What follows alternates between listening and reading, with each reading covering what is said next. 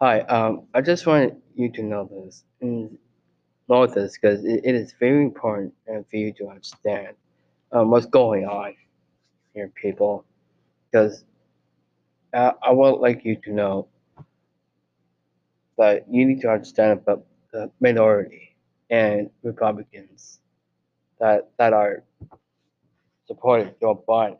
Because not all, not all people from um, from uh, Republicans and Democrats who are supporting Donald Trump because he is dangerous uh, to the White House and uh, and he is endangerment to the Republicans and Democrats. Donald J. Trump is not a good fit as a president because he is unfit. And also, I want to explain to you for, the Americans and Canadians, black people and white people in the world, that they have a right to vote for. And I am happy uh, for the people who supported Joe Biden because he respects the minority and rely on in healthcare. Joe Biden is the best president because he respects people and international people from a different country. And I, and I also want to explain to my opinion about politics and minority. Donald Trump have no no respect to the other Republicans and Democrats.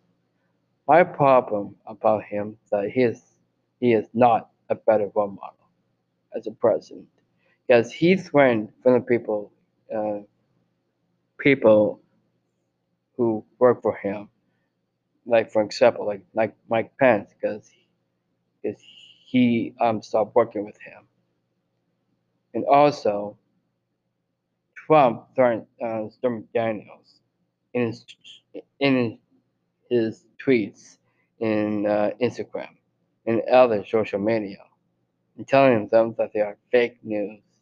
He bullied Greta Thunberg, and also his wife Melania told Stormy in a Stone Cold Hooker. That to me was disrespectful of her and his entire family, like Ivanka, Noah, and Eric, and Don Jr.